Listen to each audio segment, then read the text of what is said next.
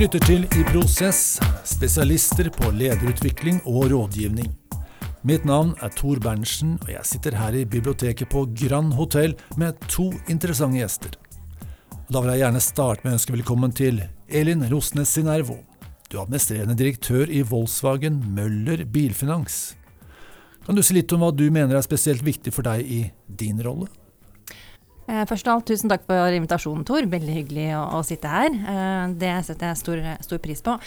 Det viktigste i min rolle, altså vi eh, som, som, selskapet heter, så er det Volkswagen Møller Bilfinans. Og vi er jo da en av Norges største tilbydere av finansieringsløsninger for biler. Ja. Så vi driver med alt fra lån, leasing, biladministrasjon, forsikringsløsninger. Så, så, det ligger jo i sakens kjerne at noe av det aller viktigste i, i rollen, det er jo at vi er leverer kunderetta løsninger og tjenester som, eh, som, passer til markedet, og som eh, svarer til kundenes eh, behov og forventninger. Så det, det er jo kjernen i det vi driver med. Men det, det ligger jo veldig mye annet rundt, selvfølgelig. Ja. Er det mange ansatte altså rundt deg som får dette til, eller er det blitt så automatisert nå at det er bare et lite knippe med mennesker? Forventningene til teknologi de overstiger jo ofte hva teknologien faktisk eh, klarer å, å levere. Så, så, vi eh, har jo selvfølgelig eh, digitalisert, automatisert, benytter oss av uh, nye tekniske løsninger som gjør at uh, vi arbeider mer effektivt. Men samtidig så er det ikke til å stikke under en stol at vi er ikke der vi ønsker å være i forhold til uh, sømløse prosesser og, og fullautomatiske løsninger. Så så vi har lagt på oss manuelle årsverk, men samtidig så er det en, uh, en inkrementell endring som, som skjer. Men det ligger mye potensial i framtiden og hvordan vi endrer oss nå fremover som organisasjon i forhold til å ta ut potensialet i teknologien som ligger, ligger der framme. Ja. Så svaret er vel en god blanding. Jeg skjønner. Jeg skjønner. Ja. Vi har snakket sammen før, så skal vi si veldig oppmerksomme lyttere de vet at du er her for andre gang. Det er veldig bra, da. Når vi snakket sammen sist, så fikk jeg inntrykk av at Møller er et ganske sånn fremtidsrettet selskap. Eh, det har vært litt, sånn, litt i forkant av utviklingen i bilbransjen, i hvert fall sånn i måte ja. å tenke på. Kan du si litt om det? Bilbransjen er jo en av de bransjene som nå står i kanskje tidenes største disrupsjoner eh, og transformasjoner. Eh, vi har snakket om det i mange, mange år, men nå, nå skjer det jo faktisk. Ja. Eh, mange nye aktører på markedet kundene i Norge spesielt er nok en av de mest eh, innovative markedene også, med høye forbrukerforventninger og krav.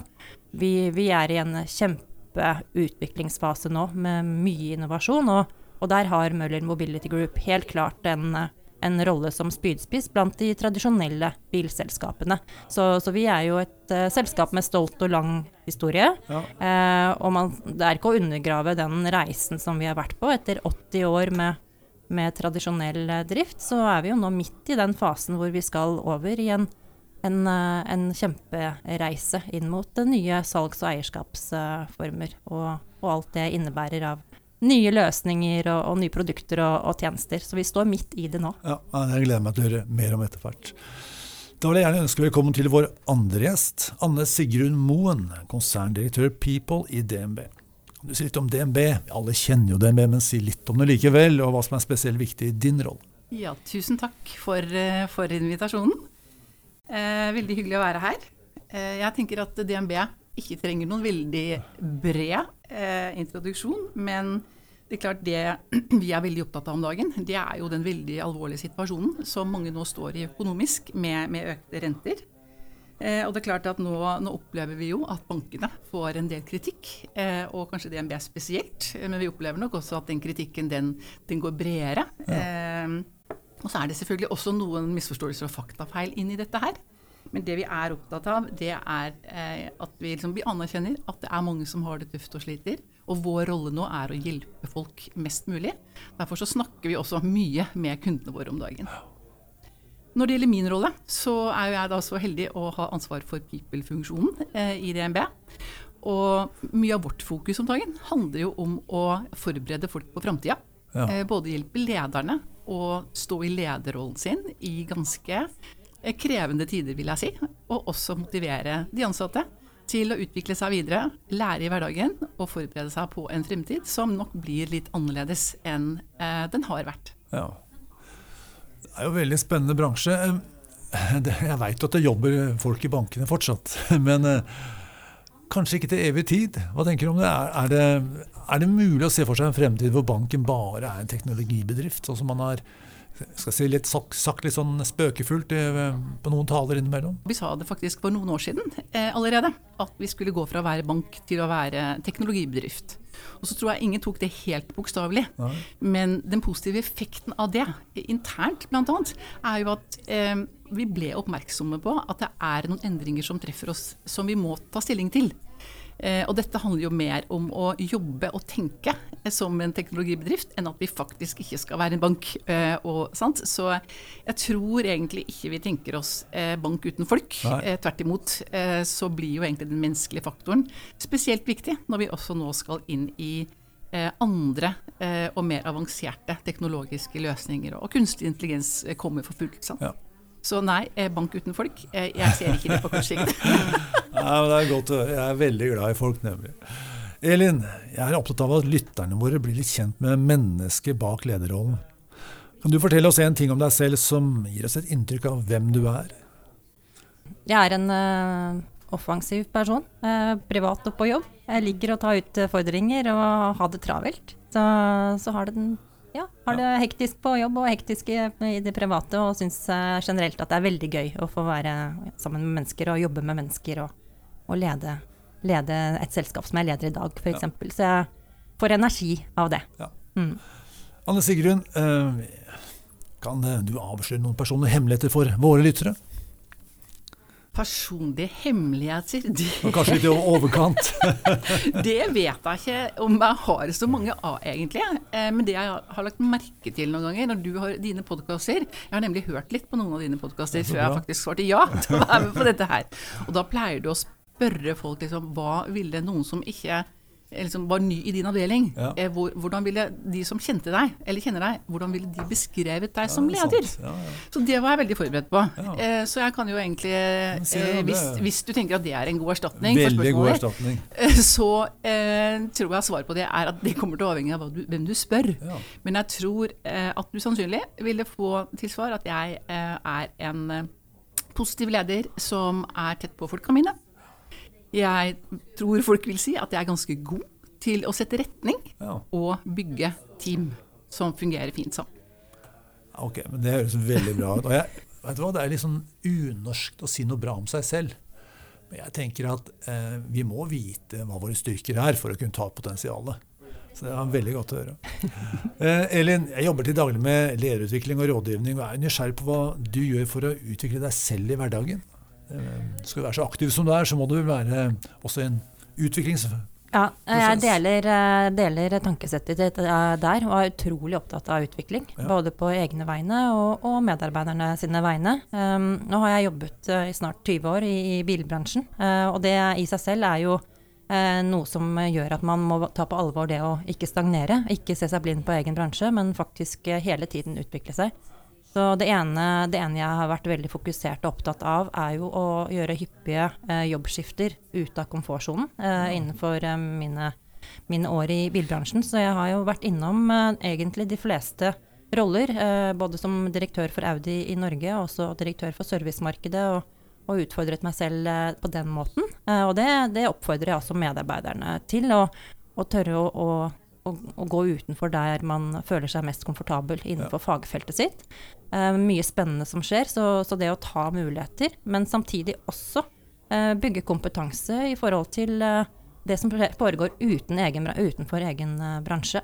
Så jeg, jeg, gikk faktisk ut fra BI i fjor, så jeg gjorde en executive MBA på BI parallelt med jobben min som direktør for Audi. og det var fantastisk spennende. 18 måneder med et, eh, så apropos å ha det travelt, det var en veldig travel periode. Litt for travel, uh, for å være helt åpen på det. Men utrolig givende. Uh, og mye av det jeg kjente på da, var jo et behov for å øke kompetansesettet innenfor uh, digital transformasjon, organisasjonsledelse, bærekraft.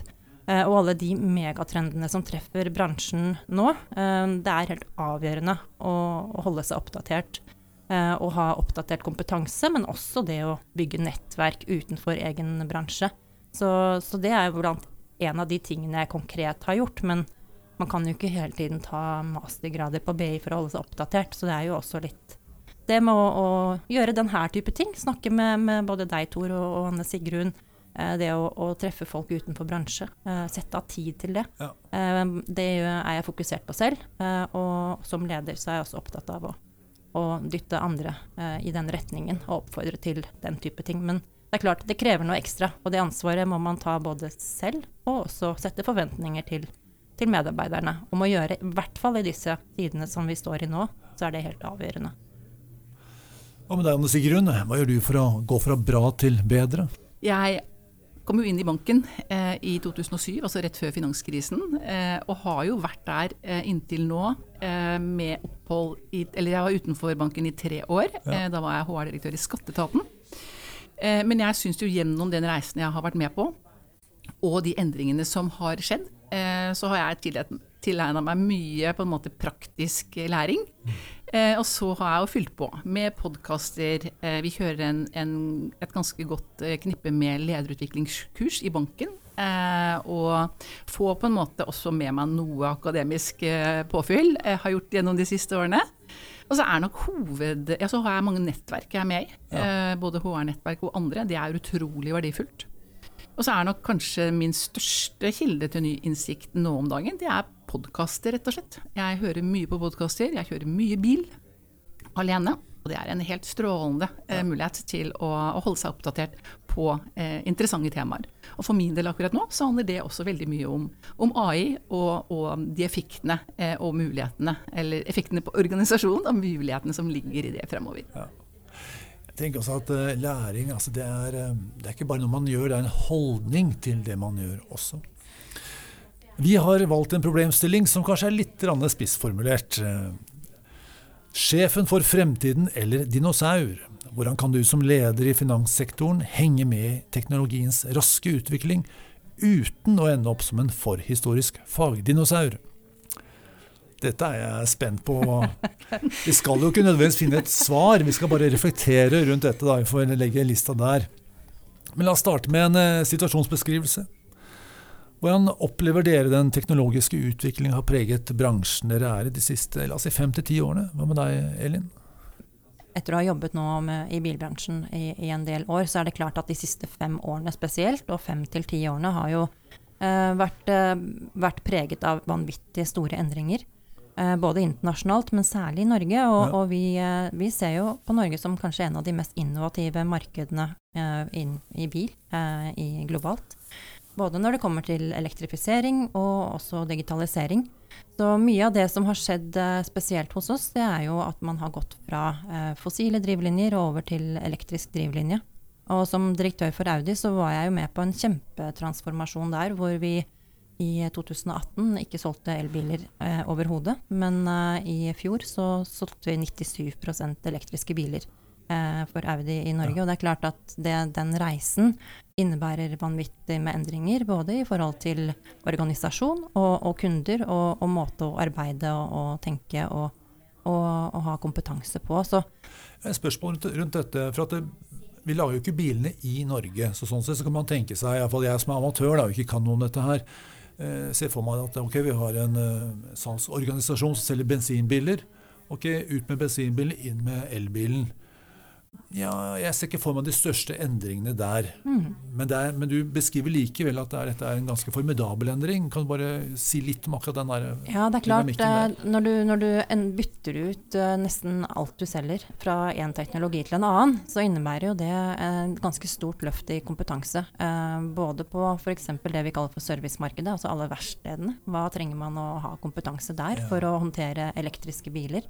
Uh, man snakker jo da ikke lenger om uh, bevegelige deler og, og olje, men uh, om elektroniske komponenter og, og digitale installasjoner, som er det er en helt annen kompetanse. Så det å gjøre den endringen i seg selv har jo vært vanvittig stor. og samtidig også det å, å selge biler. Det er jo um, annen måte å eie og drifte en bil på. Man har annen problemstilling. Kundene er opptatt av andre ting, f.eks. rekkevidde ladehastigheter, eh, den type ting, uten å, å gå inn på, på, det hele, så er det stor endring i kompetanse, i mindset og også hva kundene våre eh, er opptatt av. Hva med deg, Anne Sigrun? Hvordan har eh, den teknologiske utviklingen preget din bransje i de siste fem til ti årene? Mm. Jeg tenker at uh, digitaliseringen traff finanssektoren veldig tidlig. Ja, den gjorde det. Uh, og at det jo har vært en uh, formidabel utvikling. uh, og at vi får en, nå en ny bølge med mulighetene som kunstig intelligens gir, eh, og, og, maskinlæring. Og, og, vi er jo i gang med å teste ut dette i banken. Eh, i ulike, i ulike, miljøer. Så det er akkurat sånn det går enda fortere og er enda mindre forutsigbart eh, enn det har vært tidligere. Så jeg tenker at eh, nå er det mange som sliter litt med å henge med i svingene. Eh, og at det nå ikke nytter å stå stille. Eh, for går du ikke framover nå, så går du bakover. Ja, eh, når ting snurrer så fort, fort, rundt. Da. Men jeg kjenner meg jo igjen i altså, Alt Elin egentlig sier, er jo egentlig samme elementer da, av, mye av det samme vi har gjort. og fokuset hos oss i det siste har jo også handla mye om bærekraft. Og jeg tenker at For dere da, så er det vel sånn at eh, det primære med bil er å komme seg fra A til B med minst mulig utslipp. Eh, og at vi er litt i samme situasjon i bank. Eh, fordi at vår viktige rolle nå framover det er jo å tilby kapital til folk og bedrifter der målet er å finansiere eh, liksom lavest mulig utslipp, eh, og at vi faktisk legger til rette og prioriterer de kundene som jobber godt med dette her i egne, egne selskaper. Så skal vi investere 1500 milliarder kroner eh, til prosjekter, finansiering av bærekraftige prosjekter. Og det er vi faktisk allerede godt i gang med, og er sånn ca. en tredjedel nedi veien. Ja. Så det er eh, mye som eh, endrer seg i bank om dagen. Dette med bærekraft, det har vel gitt din bransje også et slags eh, samfunnsbyggerperspektiv som ikke var der tidligere? Transportsektoren er jo en av eh, de som står for aller mest utslipp eh, mm. globalt. Og det er klart at da ligger også nøkkelen til å løse klimautfordringene våre eh, i transportsektoren. Ja. Og det er jo noe av det som er veldig motiverende. Eh, så vi har jobbet aktivt over mange år med både interesseorganisasjoner og også eh, ut i, i, samfunnet. Og også aktivt tatt grep eh, i gruppen for å rett og slett spisse produktporteføljen og vise at de bærekraftige og grønne alternativene de fungerer like så godt, og kanskje enda bedre, enn de tradisjonelle alternativene. Så for Audi sin del, f.eks., da jeg jobbet der, tok vi aktive grep hvor vi plukket ut uh, biler som ble drevet på diesel, bensin og plug-in-teknologi, ja. for å fremme opp og dytte på i enda større grad uh, elektrifiseringen og komme oss opp på 97 Så så jeg tenker at næringslivet har en utrolig viktig rolle for å gi selvtillit til eh, både politikerne, men også det å få til det grønne skiftet. Tenker du at det er annerledes å være leder i dag enn sammenlignet med f.eks. fem til ti år siden? Jeg har jo vært så heldig å få lov å jobbe med ledelse de siste, siste 15 årene. Og jeg skal ikke forsøke meg på noe liksom, historiebok på ledelse her, definitivt ikke. Men, eh, men jeg tror det er blitt mer krevende av flere grunner. Jeg tenker at den tiden vi står står i nå, er prega av stor grad av usikkerhet og uforutsigbarhet, og stor grad av kompleksitet. Eh, og hvordan ledere personlig håndterer det, eh, det tror jeg er veldig forskjellig. Eh, så mens noen håndterer det godt, så tror jeg også det er en vesentlig stressfaktor for veldig mange. Det er også sånn at vi i arbeidslivet i dag er fem generasjoner under samme tak. Og min opplevelse er at i DNB så er det veldig forskjellige forventninger og ønsker og behov eh, fra de helt nyansatte til de erfarne medarbeiderne våre som har vært med lenge. Og for ledere da å balansere de behovene i hverdagen i sine team, og få de teamene til å fungere godt sammen, det eh, kan være en, en, eh, en utfordring. Så vi bruker mye tid på å trene lederne våre på mye av dette her. Altså det å bygge psykologisk trygghet, eh, men også det å tørre å utfordre. Um, og jeg tror, ehm, for å spinne litt videre da, på det med, med, å utfordre, så tror jeg liksom det å være leder i dag, det krever at du virkelig vil. Eh, for det krever mye eh, som evne til å være modig. Ja. Tør å stå litt i stormer. Selv om du selv ikke helt vet eh, hvordan mm. ting, liksom, hvor vi er på vei, eller hvor, liksom, hvor, veien går videre, og hva som mm. er neste steg. Som leder så er det du som er førerhunden i flokken. Ja. Eh, så hvis du står trygt i budskapet om at endringer kommer, eh, endringer er bra, og de største endringene de ligger antageligvis foran oss. Hvis du står støtt i det budskapet eh, og eier det og har en tro da, på at dette skal ende positivt, så tror jeg at da eh, kan du liksom lede med trygghet inn i fremtida. Og jeg tror også folk vil følge deg. Mm. For det er jo egentlig det ultimate eh, med å være leder. Det er om folk følger deg. Og det er en stor endring også i forhold til hvordan man jobber strategisk. Tidligere så la man jo detaljerte femårsplaner hvor man analyserte, og, og så eksekverte man på det. Ja. Og det er så høyt endringstempo at det, det, å være agil og det å klare å gjøre de tilpasningene hele tiden, eh, det krever et helt annen måte å, å lede på. Jeg hører dere beskriver er, eh, hvis jeg gjør det veldig enkelt, da, sant? sier man kanskje at eh, langt tilbake i tid så skulle ledere ha en viss grad av kontroll og styring. Det var liksom noe av hensikten mm. med det. Mens i dag så forteller dere at uh, nei, det er, ikke, det er ikke hovedtema lenger. Det er mer å håndtere kompleksitet mellom drift og utvikling, kanskje. Uh, kan dere si litt om dynamikken mellom denne dinosauren og denne fremtidsrettede lederen? Altså dynamikken mellom det å være en, en, fagspesialist som leder, eller i hvert fall lede et fag, og det å være menneskeorientert, liksom, og håndtere Som være kanskje eksperten på menneskene, den, altså den, den, dynamikken der. Uh, mm den har jo ikke alltid vært like viktig. Hvis vi går langt tilbake i tid, så det var ikke sånn du er menneskekjenner, ergo er du leder. Mm. Det var ikke nødvendigvis et faktum, men det er det kanskje i dag. Hva tenker du om det, Anne Sigrun? Altså, først og fremst så vil jeg si at eh, jeg tror ikke all ledelse eh, handler om å eh, slippe helt opp eh, og la folk eh, finne veien selv, hvis du skjønner. Eh, vi jobber jo mye smidig i, banken.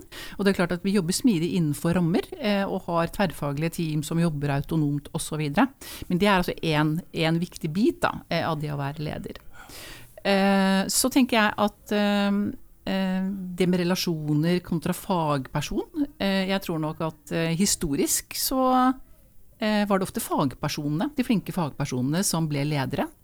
Eh, og så er jo eh, ledelse noe som får mer plass, og tar mer plass i den tida vi er inne i. Så personlig så mener jeg at det å jobbe med relasjoner for en leder ja. er viktig. Ja. Jeg ser at de som leser timene sine, kjenner timene sine, er tett nok på folk til å skjønne når de skal eller hvordan de skal agere da, og støtte, mm. eh, og utfordre også, der det er nødvendig, de lederne lykkes best eh, hos oss. Så en, en, god blanding av fagkunnskap og gode lederegenskaper eh, er, er, viktig for mm. ledere. Mm. Men det er nok en, en, utfordring eh, i hvert fall å gå i den endringen fra, fra det ene ledersettet over til hvor vi er i dag. Det at man våger å slippe opp. Eh, at man har et visst kompetansenivå, så man vet å stille de riktige spørsmålene, men samtidig at man uh, også aksepterer at man har ikke full kontroll på alle detaljene. Og, og det også å klare å, å, å, å, veksle mellom det overordnede, men samtidig ha evnen til å gå ned når det trengs, og, og vite og kunne nok om både drift og også trykke på de rette knappene, sette retningen og, og klare eh, mål og, visjoner for, for, fremtiden. Det tror jeg er helt avgjørende. Ja. En av mine mest aktive kunder om dagen er en bank, og de forteller at den viktigste utviklingen, eller nyskapingen, foregår mellom fagområdene, altså f.eks. mellom teknologi, økonomi og marked. Er det sånn hos dere også, eller også, hva gjør dere for å legge til rette for, en, for slikt tverrfaglig samarbeid? Ja, definitivt. Jeg vil jo absolutt si det. Og, og man, eh, man, ser jo det f.eks. nå med ny utlånsforskrift, så er jo det et veldig relevant eh, tema som, som vi kjenner på i, i Volkswagen Møller Bilfinans, hvor man ser at eh, vi er avhengig av å, å utvikle og tilpasse teknologiske løsninger for å svare opp kundebehov og, og også tilby riktige produkter. og det å være raske ut i markedet og, og tilpasse oss hurtiggående. Da har du, du er helt avhengig av å ha et samspill da mellom ulike fagområder for å, for å lykkes med, med, det, og ja. levere på, den, på, det behovet som, som, man har, som er helt uh, avgjørende for å egentlig drifte på en, en god måte. Så, så, det å ha tett samspill um, på, på, tverrfaglige uh, team, det, er, uh, det, jobber vi mye med. Mm. Ja, jeg kan bare si at mm. jeg kjenner meg helt igjen mm. i det du, det du sier. Eh, og sånn for min egen funksjon, da, som er people-funksjonen, så har jeg vært veldig opptatt av at vi får til et godt og tverrfaglig eh, samarbeid med andre eh, stab- og støttefunksjoner. Eh, så vi jobber egentlig tett med kommunikasjonsavdelingen, med markedsavdelingen, eh, konsernfinans eh, og de funksjonene da, som skal hjelpe hjelpe forretningen å levere gode varer til kundene våre. Hva er det som er mest gøy eller motiverende ved å være leder i dag? Det jeg synes Noe av det som er mest motiverende og gøy, er jo nettopp det med endring. At nå skjer eh, alt i veldig eh, høyt tempo. Det er skummelt og skremmende, men samtidig så er det jo det som også er litt, eh, litt morsomt. Ja. At man får være med på en reise her hvor, hvor man faktisk kan eh, være med på å påvirke eh, framtiden og hvordan, hvordan, vi skal se ut fremover. For det, det har nok vært mye endring eh, tidligere også, men akkurat nå så er det veldig veldig mye som skjer. Eh, både innenfor bank, men også innenfor eh, bil. Så jeg syns det er kjempegøy. Og det også få være med på å tenke nytt, utvikle nye løsninger og tjenester sammen med medarbeiderne. De gir masse energi. Jeg ja. syns det er veldig gøy. Vi er et joint venture hvor vi eies delvis av Møller Mobility Group og delvis av Volkswagen eh, i Tyskland. Så det også gir jo en ekstra kompleksitetsdimensjon som jeg syns er veldig spennende. Det å få være en del av et eh, globalt konsern, men samtidig ha en veldig sterk lokal forankring. Hvor vi jobber eh, tett med forhandlernettverket i Norge og norsk importør. Eh, men samtidig også et tysk konsern og, og den type prosesser. Så det er store prosesser, mye endring, eh, mye moment og masse mennesker og flinke mennesker. Nei, jeg er veldig, veldig glad i jobben min. Da. Så, så det, her kunne jeg sittet og pratet lenge, men det deg, Anne Sigrid, Hva som motiverer deg i, i hverdagen? Jeg syns nok min historie ligner litt på Elins igjen. Eh, jeg trives også veldig godt med endringer. Eh, jeg syns det skjer utrolig mye spennende i min bransje. Eh, det er selvfølgelig et privilegium å få sitte så tett på alt som skjer eh, rundt oss i samfunnet, og hvordan det påvirker infrastrukturen og, og det bankenes, som er bankenes rolle da, ja. Eh, i samfunnet. Jeg syns det er spennende med bærekraft. Jeg liker å få liksom, ting til å skje. Jeg gleder meg når vi får til gode ting mot kundene våre. Og jeg er utrolig glad i å bygge team selv, og har vært så heldig å få bygge opp da bygge videre på den avdelingen som jeg overtok for to år siden, og syns at vi nå har fått opp en, et veldig godt team, og vi jobber godt sammen. Og forretningen er fornøyd med oss, og vi har selvfølgelig mye å gå på. Men jeg liker å skape ting, eh, og, og, at ting skjer. Ja, jeg skjønner. Elin, hvis alt går slik du ønsker de neste seks månedene, hva har du oppnådd da? Nei, Hvis alt går som eh, jeg håper, så er vi om seks måneder en organisasjon som eh, leverer enda bedre i møtene med kundene. Eh, målet vårt er å levere sømløse tjenester og være en preferert partner mm. for, for, både forhandlerne, men også selvfølgelig at vi da er Vi leverer best i møte med, med kunden. Så vi jobber mye med kultur og, og organisasjonsutvikling nå. og har med organisasjonen har involvert bredt, så vi står i en kjempespennende tid hvor vi skal sette opp eh, et Volkswagen Møller Bilfinans som er rigget for framtiden. Så, så, det kommer til å skje veldig mye spennende de neste seks månedene. Så, så jeg eh, er ganske trygg på, men jeg, jeg, håper jo også selvfølgelig at resultatet blir det vi setter oss som mål nå. At vi blir eh, en enda bedre versjon av oss som, som selskap. Jeg skjønner. Og med deg, Anne Sigrun, hvis alt går slik du ønsker de neste seks månedene, hva har du oppnådd da? Nei, jeg tenker at uh, For DNB så tenker jeg at uh, det er litt det samme som Elin. Uh, at vi faktisk leverer enda bedre til, til kundene våre. Og for meg personlig så tror jeg at det jeg har liksom størst ambisjoner for de neste seks månedene, det er å få kraft bak en satsing som vi har på intern kompetansebygging, som vi kaller DNB University. Og som er den motoren som skal være med å gjøre det enkelt for de ansatte å utvikle seg innenfor eh, både det området de er i dag, og også andre områder i banken. Så at eh, DNBU har blitt en suksess, og at folk er sultne på læring og utvikling i banken, det, det håper jeg. Da er vi nødt til å avslutte. Hensikten med denne refleksjonen er økt bevissthet. Og vi tror at det du er bevisst, kan du gjøre noe med. Det du ikke er bevisst, gjør noe med deg. Hvis du som hører på oss ønsker at vi skal styrke din bevissthet ved å invitere spesielle gjester eller belyse spesielle problemstillinger, kan du sende oss en e-post til post at iprosess.no. Da sier jeg takk til våre gjester. Takk Elin, og takk Anne Sigrun. Takk skal du ha. Takk til våre lyttere, og på gjenhør.